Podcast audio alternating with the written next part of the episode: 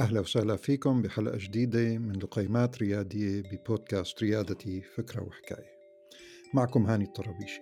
اليوم بعد حضور العديد من جلسات العروض التقديمية وال pitching خلال حياتي المهنية وحياتي الأكاديمية حبيت شارككم بعدة ملاحظات اللي بيقوم فيها أعضاء الفريق التأسيسي خلال ال pitching أو العروض التقديمية. معظمهم بيحاولوا يقنعوا المستمعين إنه شلون وكيف قدموا الخدمة تبعهم. ولكن للأسف العديد منهم بينسى يقول ليش بلش هالخدمة أو هالتطبيق المعين أو ليش بنى هي الشركة. الزبائن أو المستخدمين أو المستثمرين ما بيشتروا ما بيستثمروا بمؤسسة فقط لأنه آه، جاوبت عن السؤال ماذا نعمل أو كيف نبني هذا المنتج والخدمة؟ الزبائن أو المستثمرين بينضموا لنادي المشجعين للشركة الناشئة لأنه اعتنقوا وقدروا وتفهموا وتشربوا لماذا قامت الشركة الناشئة؟ وما هي الأمور والأسباب والدوافع التي ساهمت على وصول الشركة أو الناشئة لما هي عليه الآن.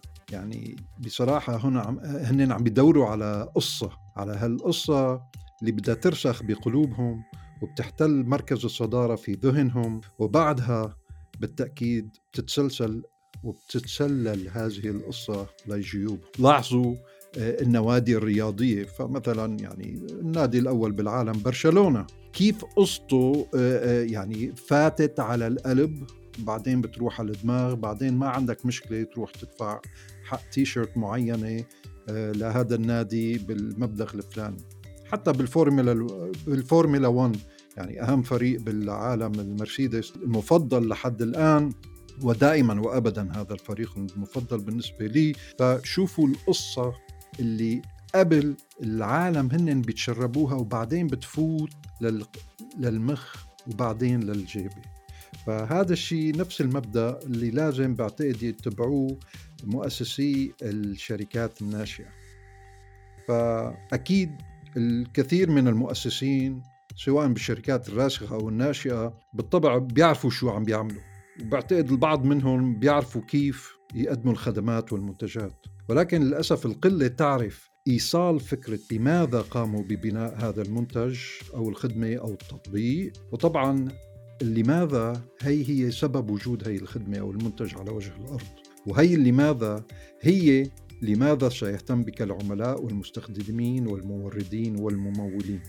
لماذا هي التي تبقي أعضاء الفريق متماسكين لما تمر الشركة الناشئة خلال فترات عصيبة أو خلال مرحلة وادي الموت واللي تحدثنا عنه بحلقة سابقة. لماذا تخبر ذوي الشأن؟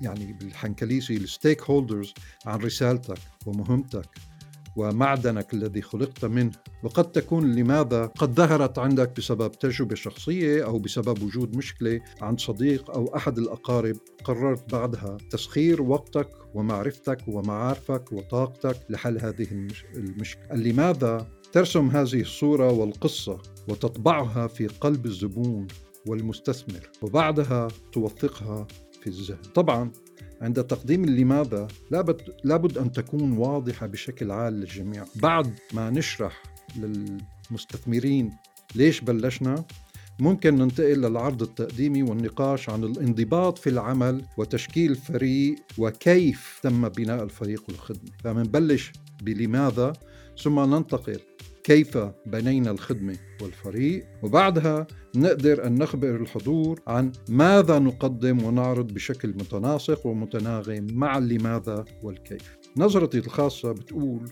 أنه لما تبلش بتأسيس شركة ناشئة أو صغيرة أو متوسط الحجم لابد من سؤال هذا السؤال لماذا تقوم بهذا العمل؟ حتى إذا كنت تقود فريق عمل بمؤسسة راسخة أو كبيرة لابد أن تسأل نفسك وزملائك لماذا نقوم بهذا العمل؟ فالريادي والإداري الناجح يستطيع الاستئثار واستمالة قلوب المشجعين والعملاء والمستخدمين والممولين أولا وبعدها يستوطن المكان المتميز في ذهن العملاء والممولين. وهذه فرصة للريادي لربح تعاطف الآخرين وهو عن طريق الإجابة عن سؤال لماذا؟ طبعا حديثنا اليوم مشتق من كتاب لسايمون سينيك اللي هو اسمه Start with Why يعني ابدأ بلماذا. فأنا ما حطيت شيء جديد ولكن حبيت أعرض أنه عند القيام بعرض تقديمي بلشوا بلماذا. واي من تجربة شخصية من أحد الأقارب من أحد الأصدقاء أصيب بشيء معين فأنت بدك تحل هي المشكلة وكيف بعدين حليتها وشو هي شو هو الحل. لا تبلشوا مثل العالم اللي بتقول نحن شو بنساوي بلشوا ليش بنساوي؟ بعدين كيف؟ وبتأمل لكم النجاح. كان معكم هاني طرابيشي من لقيمات ريادية. تضلوا على خير. سلامات.